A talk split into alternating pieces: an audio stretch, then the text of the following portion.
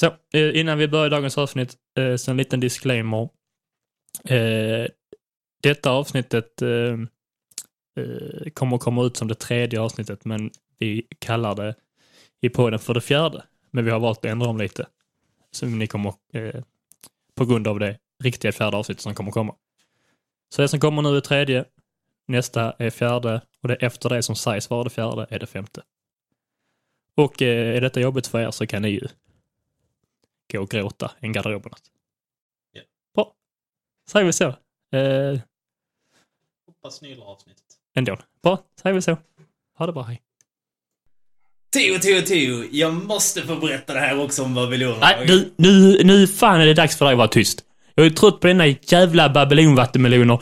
Nu är det min tur att snacka. Du. Nu sitter du där, håller truten, lyssnar på mig och så låtsas du att du tycker om detta. Rulla för fan introt innan jag ångrar mig.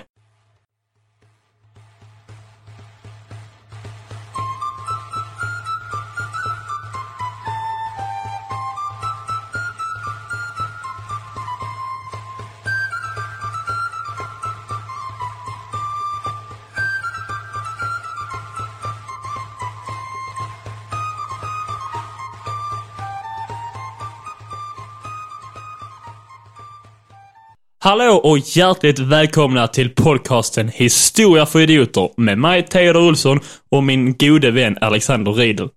Hallå, hallå i stugan. Hallå, hallå. Eh, Detta avsnitt, avsnitt nummer fyra, så tyckte jag att nu fan till mig är det dags för mig att ta ställning och visa att jag inte är sån stor idiot som alla tror. Eh, vad tycker du om det Alex? Uh, med. Det skiter jag fullständigt i. Nu håller du truten och lyssnar på mig. Bra. Det är så här, vi ska prata om en romersk kejsare som heter Marcus Aurelius. Lite avlägsen släkting till den svenska landslagsspelaren Marcus Albeck. Nej. Det är så här. Marcus Aurelius föddes egentligen som Marcus Annius Verus. Han föddes år 26. Nej, helt fel. Han föddes 26 april år 121 i Rom. Eh, Så att vi har förflyttat oss lite längre fram i tiden. Vi har kommit efter Kristus, äntligen. Ska vi, ska vi kanske säga att det är ett specialavsnitt? Är det det? Ja, det är, det, det det är ju ett specialavsnitt. Det är som att jag, den eh, speciellt begåvade, ska hålla i detta. Jag tänkte mest att eh, det blir lite annan typ av avsnitt när Det är sant. ett eh, personporträtt. Så därför blir, kan man ju lite kalla det för en special. Okej, vi kör, eh, ska vi kalla dem ett personligt special? Nej, det är ett specialavsnitt om just Marcus Aurelius. Han kallas för den eh, sista av de fem goda kejsarna i romarrikets historia. Eh, den listan kan, är lite så tveksam, det kan vi gå in på senare. Han föddes i, till en väldigt så lovande familj, kallas de. Väldigt, eh, lite adelsmän, lite rikt folk, lite så som Alexander Riedel. Bil. men ingen kunde ju, alltså när han föddes så kunde han ju inte, ingen, ingen tänkte sig att eh, den här grabben, han ska bli kejsare. Det fanns ingen, det fanns inte på kartan. Det var inte själva poängen liksom. Han är alltså inte född till att bli kejsare. Men, ja, alltså man vet inte så mycket om den här snubben, om hans barndom då. Vad skrattar du? Kort avsnitt. Vet inte så mycket om honom. Jo, men man vet, man vet inte mycket om hans uppväxt. Så att säga. Det man vet är att han är, alltså han är liksom seriös under sin ungdom, en seriös ung man. Som gillar att boxas. Och sen gillar han indiepop. Han gillar indiepop, Broder Daniel, boxas. Alltså sådana fräcka saker som att boxas. Sagt boxas tre gånger. Så att, Vad sa du? Gill- Gillar han att boxas? ja, brottas och att jaga. Vänta, tror du hans så här boxarnamn? Du vet typ så här, eh, så här, The Italian Stallion, Rocky Balboa, att han är så här, Marcus Aurelius, The Last Good of Five så därifrån det kommer. Ja, det tror jag. Så han var typ 14 och bara, jag vet ni kallar mig detta. Det kommer, kommer en sån liten lapp till han som annonsar. Så här, kan, kan ni säga detta när jag ska in i ringen, kanske? Ja, Vadå sista av fem goda kejsare? Har du tappat bort dig i dina anteckningar nu? Nej, det är lugnt. Jag bara lät dig prata vidare. det är så här. Att eh, när då han var tonåring så var den sittande kejsaren Hadrian, eller Hadrianus, nära att kola vippen så att säga. Och han behövde ju, eh, alltså han hade inga barn. Han var barnalös och behövde en efterträdare. Hadrianus valde till slut en liten pojk som hette Antonius. Sådär. Ja. Och Antonius, hör och häpna, hade inga barn. Så Antonius fick välja en annan liten pojk. Och det blev Macke. Macke Aurelius. Men innan vi går vidare så ska vi stanna lite på Hadrian eller Hadrianus. Yes. Jag, jag satt och väntade på om vi ska... För att han Grundade Hard Rock Café. grundade Hard Rock Café. Förlåt, jag ska inte störa så mycket. Han är en liten eh, intressant side-note vi måste gå in på. Jag älskar sånt. Hadrianus eh, var då, eh, han är faktiskt också en av de, eh, jag tror den andra eller tre, den tredje ledet av de eh, fem goda kejsarna av Rom. Och nu kommer ni förstå varför den listan är lite, mm, jag vet inte. Ishy fishy. Ishi Fishy. Adrians pappa är också med och Adrians farfar är också med om jag förstått rätt. Sen är också Marcus Aurelius bror med. Som Adolfs är an, Adolfs an, nej inte Adolfs, Antonius andra adoptivbarn men han säger man att han är inte riktigt med. För att han har ju liksom bara hjälpt Marcus. så att han, han, han stryker man lite så ur listan. Han är inte Men-. Adrio, Adrianus är mest känd för sina bråk med judarna. Jo fan, vad har ni gjort? Eh, det bör, alltså judarna har ju haft ett helvete länge. Ja. Alltså- De har typ inte, de har typ inte haft något annat. Nej, än ett helvete. Sorgligt. Och så ska vi inte skratta åt det, Alexander. Nej. Nej. Och judarna, eh, alltså, va? Du ville säga något? Ja. Jag vet inte vad du kommer komma in på för att jag kan inte så mycket om de här nissarna. Men jag kommer bara tänka på de här, så här tunnelsystemen i rum och att typ så här kristna fick typ gömma sig för eh, judar. Ja, det... Det är därför fisken är typ så här en kristen eh, symbol för att man typ så här ristade in eh, på de här, så här dörrarna. Typ så här, det har någonting med fisk, alltså så här fisk att göra eller någonting med fisk var något så här kodord. För typ Så här, här är det säkert. Ja, typ så här, här är. Lite som sådana här luffartecken i Rasmus på luffen när de ritar så här kan luff, för luffare sova. Mm. ja. Nej, men eh, de har haft ett helvete. Yes. Och redan på den här tiden såklart. Så där var de ju inte så omtyckta. Jag vet, jag vet inte varför. Frågar man inte varför. Såklart. Kan det vara... Det, det, när sa du att vi var i tiden? Cirka, alltså, hun- 100 efter Kristus. Alltså, alltså mellan 50 och 100 efter Kristus just nu. Det- Då är... Okej, det här låter jättehemskt att säga, men då är det inte jättekonstigt om typ så här, folk är lite arga för att de har dödat Jesus fortfarande. Ah, okej. Eh, men ja, kristendomen är fortfarande, alltså den är inte så påtaglig. Nej. Riktigt den. Vi kommer till det. Okej. Nej, men eh, Adrianus, eh, alltså han var lite före sin tid för att han, eh, han var lovande mot judarna till en början. Han, han, alltså han eh, lovade att eh, bygga upp staden Jerusalem igen. Och det är klart, alltså judarna var ju nöjda med det. De var jättenöjda med det. De hade ju inga problem med det. De tänkte, fan vad härligt. Men det han inte sa, alltså det var ju att han hade ju tänkt bygga upp Jerusalem som ett hedniskt, eh, en hednisk metropol.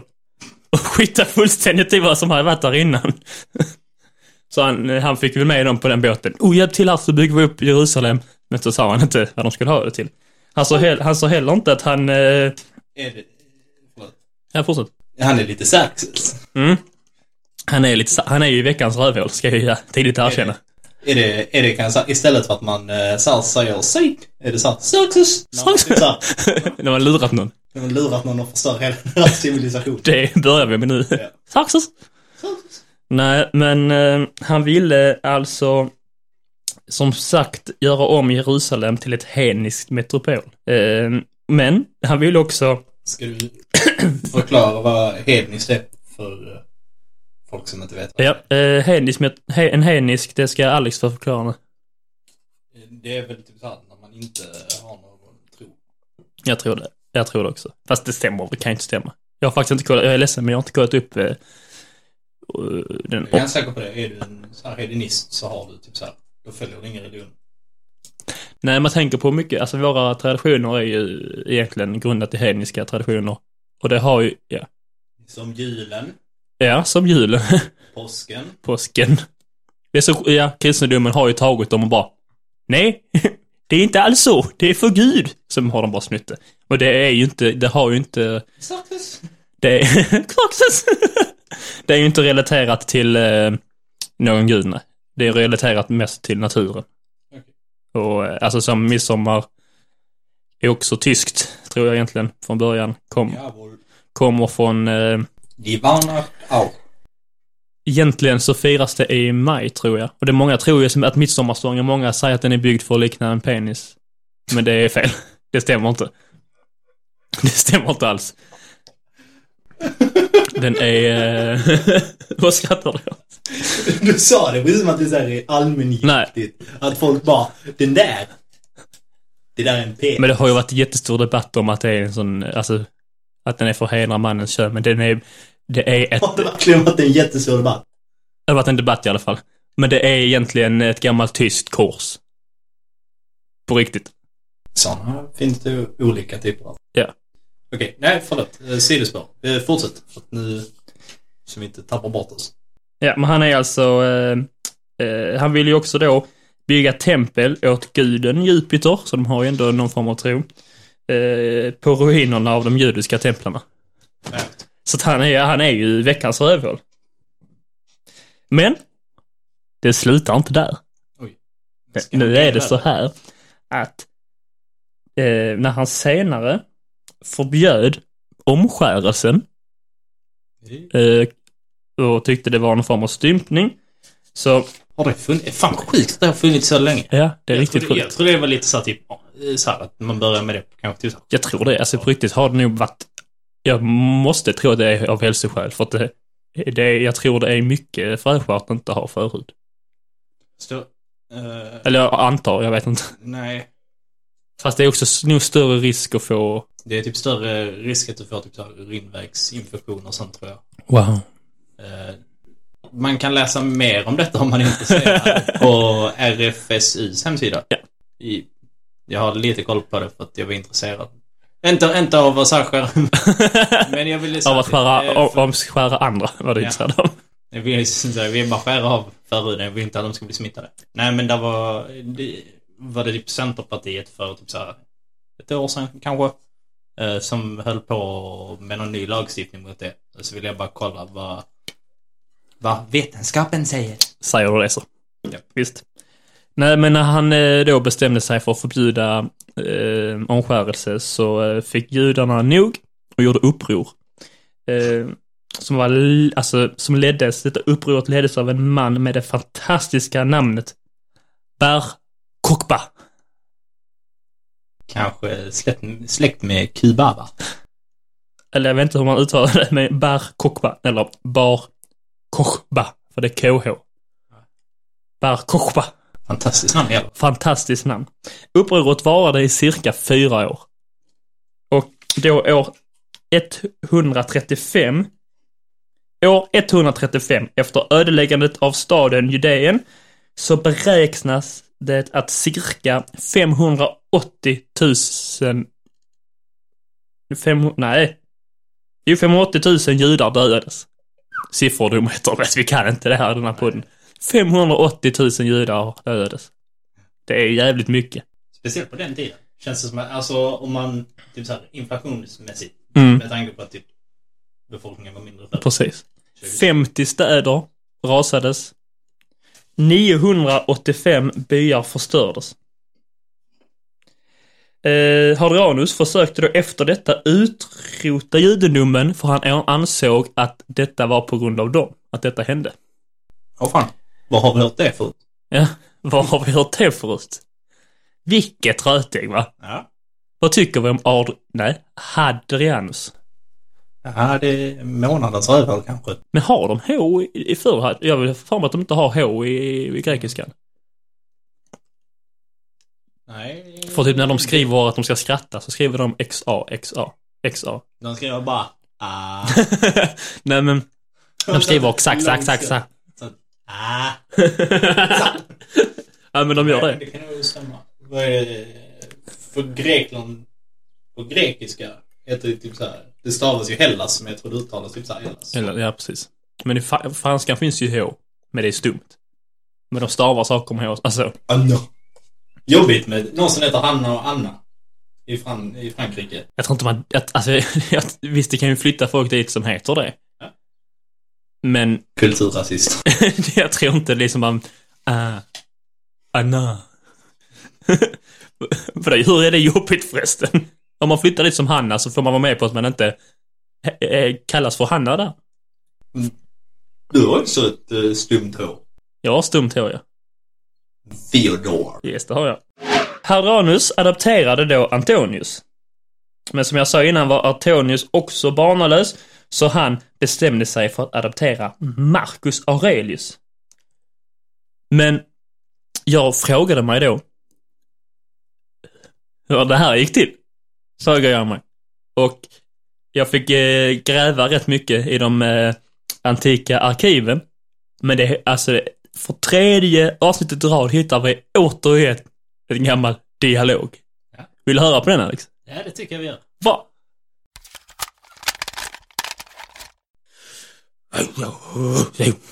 Jag, håller ju på att dö nu. Jag måste gå och leta upp en ny eh, efterträdare va. Jag får gå ner till, till lokala eh, boxningsarenan. Där brukar vara bra pågar där. Okej.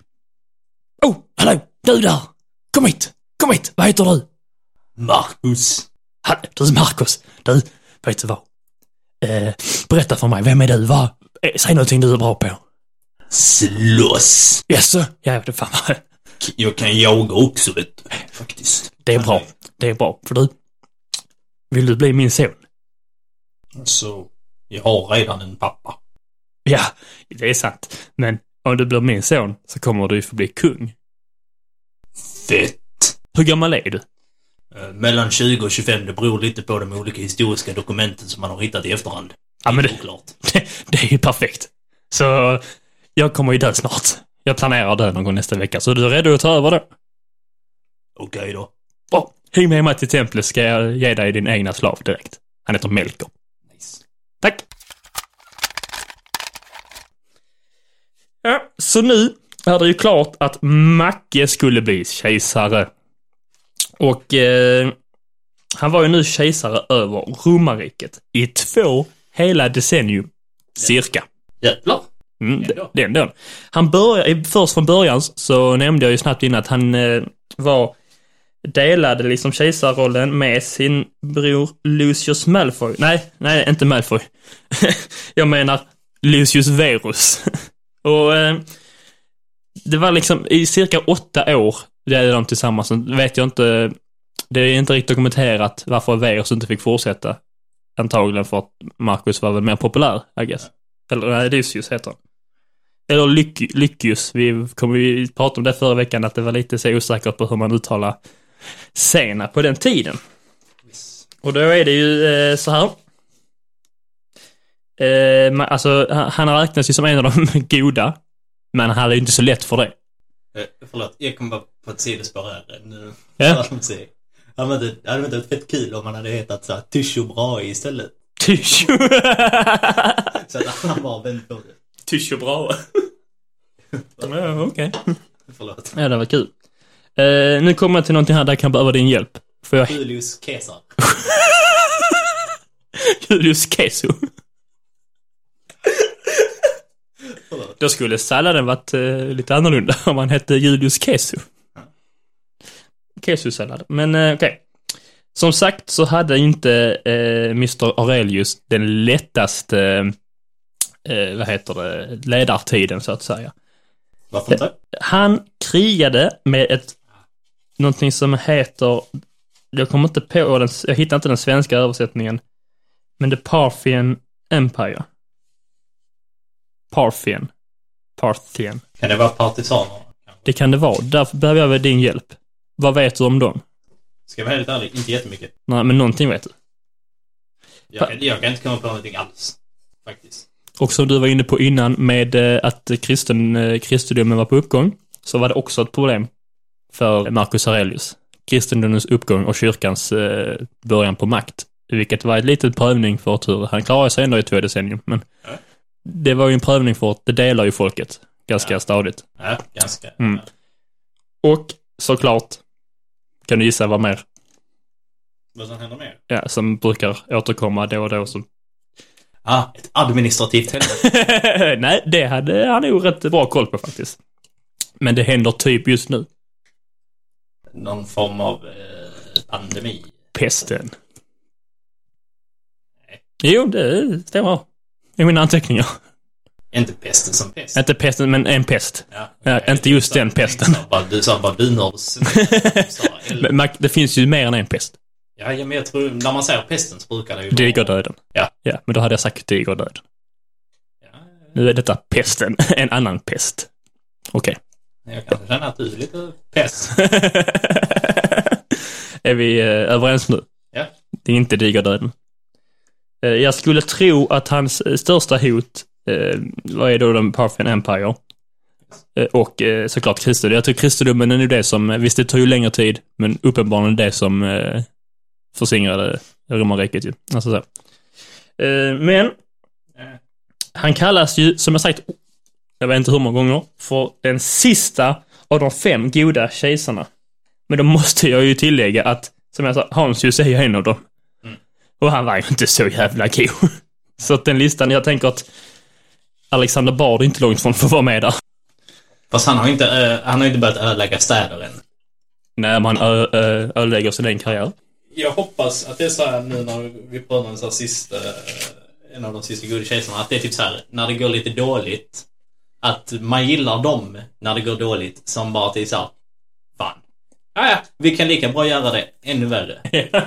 Det känns som att eh, han, eh, vad, sa du han hette han? Eh, som Hansius. Ja. Att han är en sån kille.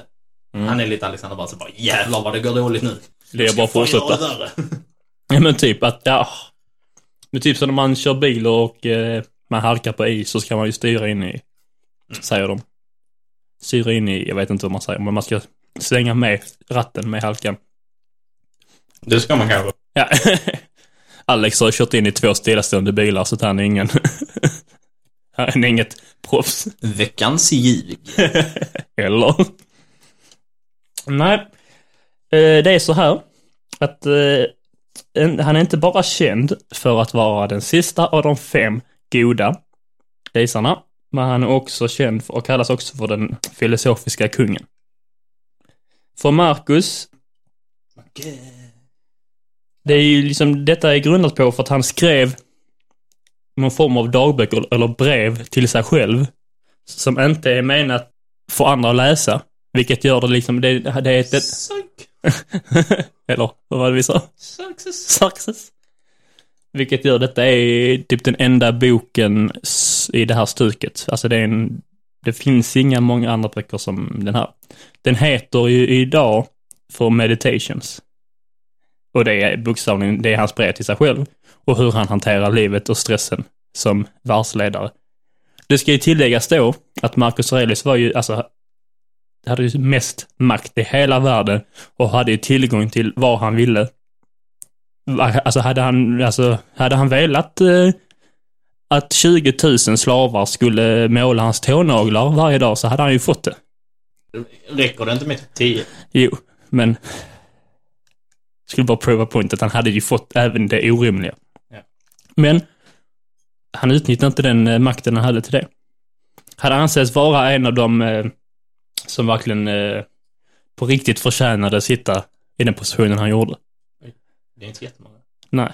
På grund av att han, heter det, grundade sin ledarskap och hanterade stressen som världsledare med hjälp av filosofin stoicism.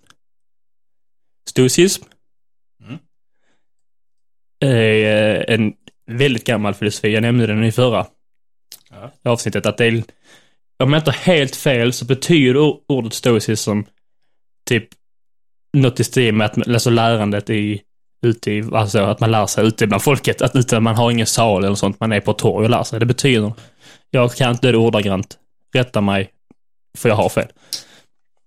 Eh, och han använde ju då, med hjälp av eh, gamla texter, redan då, av en som heter Epictetus. Använde... Stod i epicentrum. ja, just det. Oj. och eh, Seneca. Det är just eh, Marcus Aurelius eh, mm, Meditations och Senecas brev till eh, en nära vän till honom och Lu- Epictetus texter som då är liksom grundpelarna till stoicism som vi ser det idag. Stoicism används av många, alltså många har använts av många världsledare sedan dess och jag själv håller på och liksom studerar den här filosofin just nu för att lite skryt, skryt, skryt. Ja. Det är lite intressant och det är liksom ett grundtanken med filosofin är att man ska det är så här att eh, ett, jag har ett citat från Marcus Aurelius som förklarar det väldigt, väldigt bra. Ska jag berätta här nu? Håll i er, för nu jävlar kommer ni bli blown away. Oj. Nej. Alltså, sitt- alltså, det är enklast förklarat så här. Han säger i sitt brev till sig själv, och det är så här han lever efter. Man har kontroll, du har kontroll över ditt eget sinne. Det är det enda du har kontroll över. Och dina egna tankar. Allt annat utanför har du ingen kontroll över. Och det ska du sluta styra över. Och det är liksom det man lever efter. Så om man, ut, om man lever efter liksom de stoicistiska eh, levnadssätten så är det, det är grundtanken. Känns inte det här lite så här, du vet, typ foliehatt? Så här. Du kan bara bestämma över dina egna Det tankar. är inte det det är. Inte det, det. Ingen annan kan bestämma över dem. Nej, men du, om du tänker efter. Nej, jag fattar vad du menar. Mm. Men... eh, Du kan ju, eh, eh, saker utanför ditt eget sinne kan du inte bestämma, du kan inte bestämma vad som kommer hända, men du kan bestämma hur det ska påverka dig. Ja. Alltså jag har inte så bra koll på det här.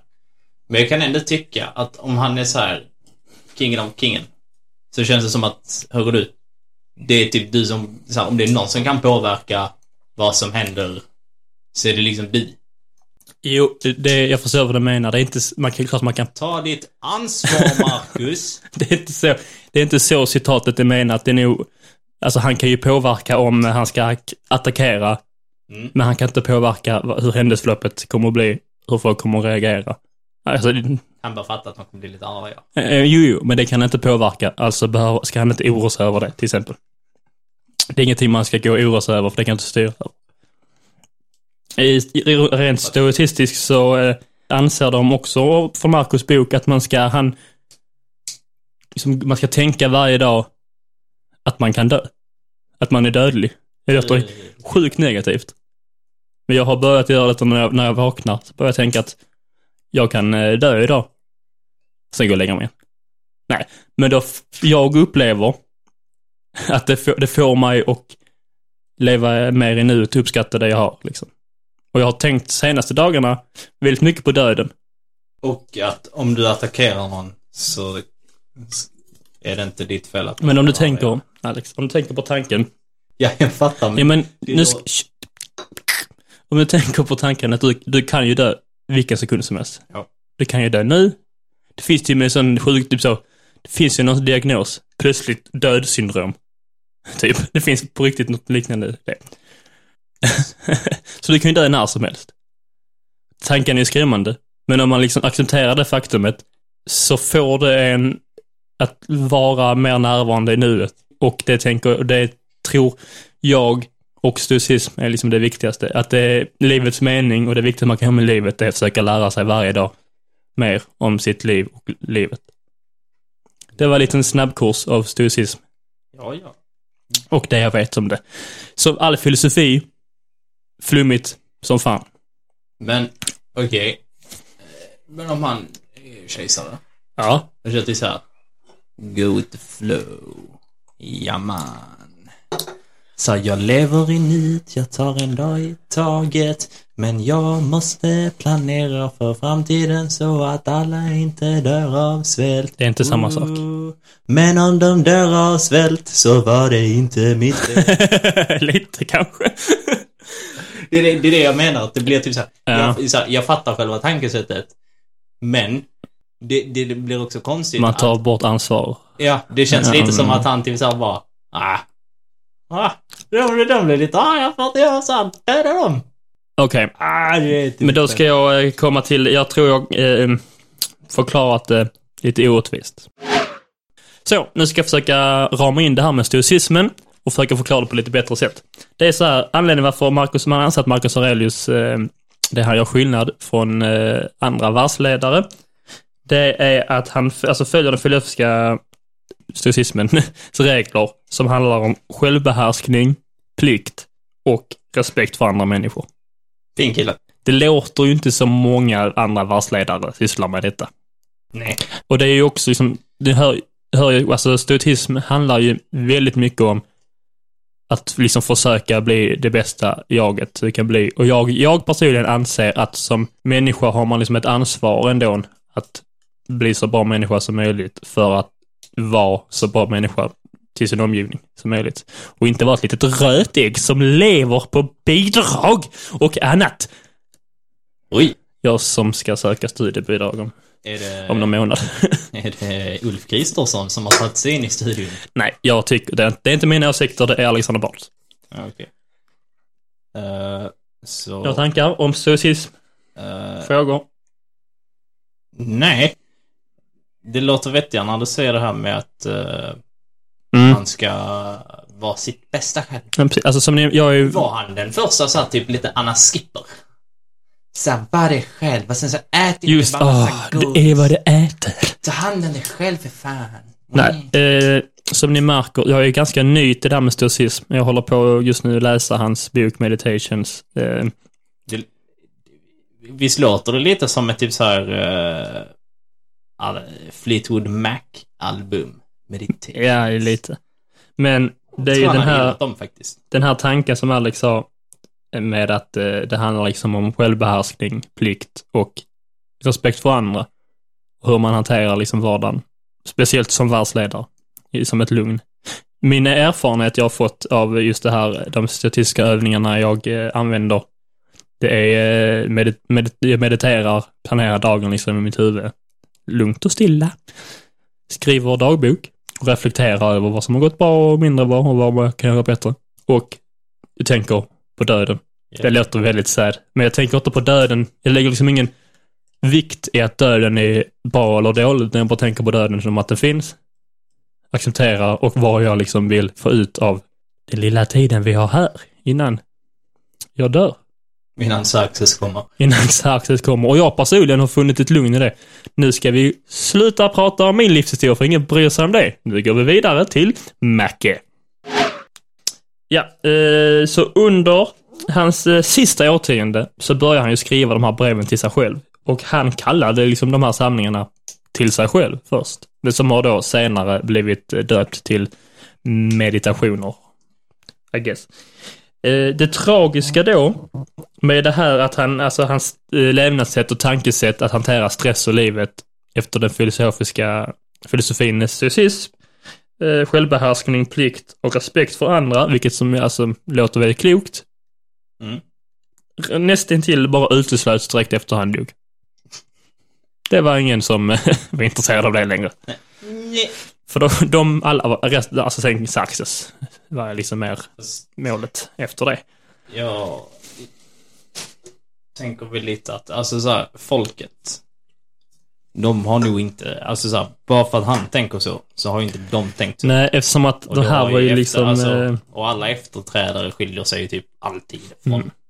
föregångaren. Mm. Så det är egentligen inte jättekonstigt att folk inte, alltså så här, att Speciellt också eftersom att den här boken är, var ju bara ägnad till han själv. Det var inte meningen att någon annan ska läsa det. Vilken. Va? Det är väl ändå... Alltså han skriver ju, han skrev ju ner saker för sig själv för att kunna utvecklas som människa. Synd, du är en offentlig person. Fast det är han ju inte. Eller ju, det är han ju. Men uppenbarligen kommer det ut när han dör. Men det, det lider, lider inte han riktigt mycket av då. Det, det är som, du kan ju hitta jättemånga, alltså böcker med typ så här, alltså folks brevsamlingar. Där det är typ så här, antingen att man bara har så här transkriberat eller så är det typ ett foto på brevet typ. Mm. Så det, på det viset är det ganska spännande att han bör ha varit hyfsat tidig med något sånt. Den boken, eh, Meditations, anses också vara liksom en av de bästa som finns och någonting man måste läsa. Tänk bara den bästa. det är inte mina ord, men eh, och eh, som jag sa innan, liksom one of a kind. Är det, är det veckans boktips då? Veckans boktips är Meditations av Marcus Aurelius. Eh, och ett till skulle jag säga är då eh, Senecas brev till eh, Lucius, heter han också tror jag. Nice. Djävulsdyrkare. eh, det, jag, håll, jag håller på att läsa dem just nu, båda två. De är väldigt eh, inspirerande. Det är veckans boktips. Yes. Undrar ni vilken veckans filmtips är? Det är eh, så mycket som, eh, vad hette den filmen, Alex? Eh, Ready or Not. Har ingenting med ämnet att göra, men jag såg den igår, den var rätt bra. Ja. Mm, bra. Säger vi så. Jag försökte ko- komma på, där är något. Finns det, men det kan vi diskutera. Finns det någon, eh, du är ändå filmnörden här. Har du någon, eh, Jag, jag har ju ett, eh, ett eh, filmtips eh, till, som går tillbaka till vårt eh, Greklands avsnitt. Lite. jaha, okej. Kommer jag kommer att tänka på det nu. Eh, filmen uh, Yrrol börjar ju Ja, vid... det är sant. Mar, alltså så här, efter maraton. Mm. Och det är ju... Grekerna vinner över perserna vid maraton. Mm. Och så springer då någon nisse och ska meddela i sin rustning och sen när han kommer fram och har berättat så dör han. Skitbra film. sprungit, sprungit typ jättemånga mil i rustning. Vet du vem jag tänker eh, mycket väl kan använda stoicism i sin vardag? Peter Dalle. Kanske det. Han är- verkar som en väldigt grundad man. Lugn och är närvarande. Förmodligen ett rövhål. Nej, det tror jag inte. Nej, jag vet inte. jätte... Ja, men det känns som att är man en, liksom, är man en kreativ, eh, eh, alltså man med hög, hög standard inom eh, kulturvärlden så känns det som att det inte, det är inte långt, långt till att man har pillat på någon. Alltså. Ja, Men inte... Jag kan inte sitta och anklaga honom. Nej, det gör jag inte. Han är fin. Jag tycker om Peter Dalle, så länge jag är ovetande om sånt. Det, vi, nej, vi vet inte om det har hänt. Förmodligen inte, för har det inte hänt. Men min teori om att om- högt uppsittande eh, kulturmän, det är inte långt ifrån att de blir utpekade snart. Jag, kommer, jag kan inte komma på någon sån speciell... Alltså så här, Det är inte, nå- någonting som... det är intressant för den här filosofin är inget som, alltså man lär sig inte om det, pratar inte om det, den är ju flera, den är 2000 år gammal. Men den liksom är grunden till eh, KBT, till exempel. Ja. Så den används ju fortfarande i vår vardag. Jag ska killgissa lite nu. Men jag har för mig att det är så att typ Asiens kultur, alltså så här från forntiden, Mm. bygger på något liknande. Det påminner någon, alltså buddhism. Det påminner någon form av buddhism med det här att man, det negativa tänkandet att eh, man, eh, jag kommer ändå dö, det kommer att bli bättre. Eh, och så ska man göra det bättre. Det påminner lite om buddhism, det gör det. Ska vi kanske passa på när vi ändå är inne på Asien att eh, vi kommer ju nu har vi pratat vår första avsnitt väldigt mycket om eh, så här eurocentrisk historia. Mm. Alltså det rör sig eh, Mycket västvärld. Mesopotamien är ju liksom så här ganska mycket i Mellanöstern men fortfarande ändå ganska så nära oss. Det är ju ändå grunden till den västvärld vi lever Men Vi kommer komma in och prata på asiatisk och amerikansk Mm. och afrikansk historia också. Så håll ut. Håll ut. Nej, detta är ju ett specialavsnitt när vi snackar lite. Du, du vill ha lite mysigt snack istället. Yes. Eh, och eh, jag är glad att jag får eh, komma med lite ändå vetenskap. och inte massa jävla trams som vanligt. Men, vi är inte klara med Marcus. Hade Jag, jo, men hur dog han har vi inte Nej. har vi inte rört. Det är så här, han dog i närheten av nuvarande Venedig. Och det var ju så här, han hade inte en jättebra relation till sin son. Hans son hjälpte honom styra lite i slutet, men han var inte riktigt, han, han, eh, de gick, hade inte samma tankesätt så att säga. De hade lite disputer. Och det slutade med att eh, sonen då förgiftade sin far. Vill man lära sig då mer om Marcus Aurelius och hans ledarsätt så rekommenderar jag då som sagt innan att läsa Meditations. Eh, finns en hemsida som heter Daily Stoic där de diskuterar stoicism. Och ja, Senecas brev och Epicitus dialoger. Det är vad jag har berättat om Marcus Aurelius. Har du några tankar och funderingar? Uh, nej. Inga. Vilket tror du är veckans ljug? Oj. Tänk efter. Jag har inte lyssnat. jo. Nej, jag tyckte inte... Oj då. Jag tyckte inte det var någonting som lät alltså så här, jättekonstigt. Ska, ska det kanske vara att uh, han, Mackan, inte höll på med boxning? Det känns... Uh, ja, det kan det vara. det känns lite som att det är för tidigt. Men å andra sidan, de har alltid hållit på att slåss på olika sätt och gladiatorspel. Så det är inte helt omöjligt att man skulle ha någon form av slagsmål. Detta är alltså det första specialavsnittet som är lite annorlunda, lite mer lättsamt. Eller lite, Jag tycker det mesta vi gör är lättsamt. är det sant, men lite mer bara flummigare och babbligare. Alltså det är så... Jag har svårt att förklara stoicism till den grund att det är... Det, jag kan tänka mig att det inte passar alla. Jag märker på Alex att detta är ingenting han kommer försöka leva efter, tror jag. Oj. Nej men på ditt ansiktsuttryck, vad fan vet jag? Du får ju rätta mig om jag har fel. Nej, men uh, jag gör min grej. Ja, och Så jag- va- det är ju helt okej. Sparkar på fåglar och... Mm. Vet du hur svårt det är att sparka på en fågel? Nej. Bicicletas. Eh, jag var mer skeptisk så som du sa det. För att det lät... eh, Det är ju alltid bra att jobba på sig själv. Jag tror att det är väl typ så här. Eh, fan var det typ Stanley Kubrick som filmat en film blir typ så här aldrig färdig, den bara släpps. Mm.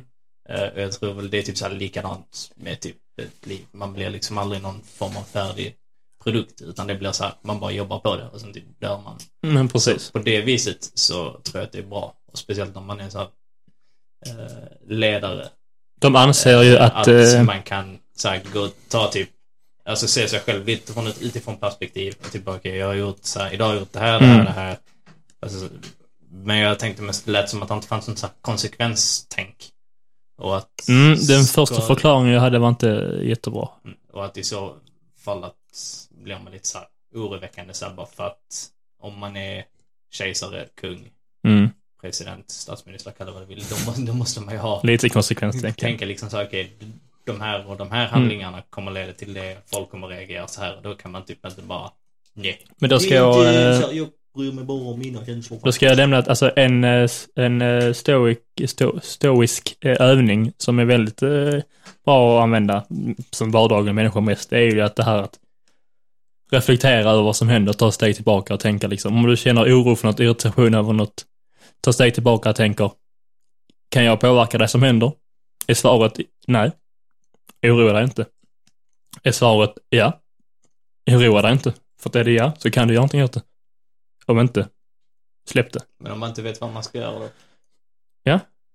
då, eh, då kommer man att tänka, hur då, får, då får man ju, tänker jag, att det är ju liksom sin uppgift och fundera ut, tänka att jag vet inte hur jag ska hantera detta och sen kanske skriva ner sina tankar, vad man har och sen därefter kommer man förmodligen förhoppningsvis komma fram till vad som man tror är bäst för sig själv. Funkar inte det, reflekterar man över det. Varför inte funkar? Testa nytt. Men grund, en av grundtankarna är ju att eh, livet går ut på att lära sig om livet, som sa innan. Liv, alltså hela livet går ut på att lära sig om livet. Jävla pretto den där mackan alltså. det är inte hans idé. Ja, ja. Ja, det var det jag hade. Yes. Ska vi ha ett litet eh, festligare avslut än vanligt? Än dina tråkiga historieord du brukar avsluta med. Vad elak jag är mot dig idag. Ja, jag känner det så här. Jag ber om ursäkt. Jag uppskattar att du är Jag min vet, vän. jag vet ju vad du kan skriva i din eh, dagbok idag. Det är sluta vara taskig mot... Mm, på riktigt så är det en eh, bra idé. Ja, bra. Och jag ber om ursäkt, du är en bra vän. Ja, tack.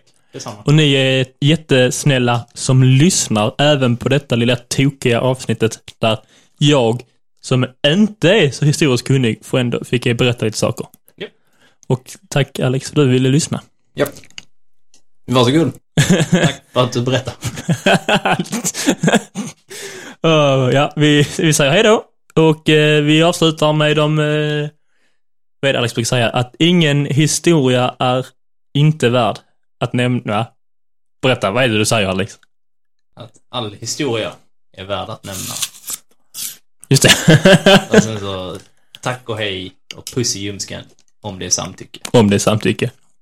Puss.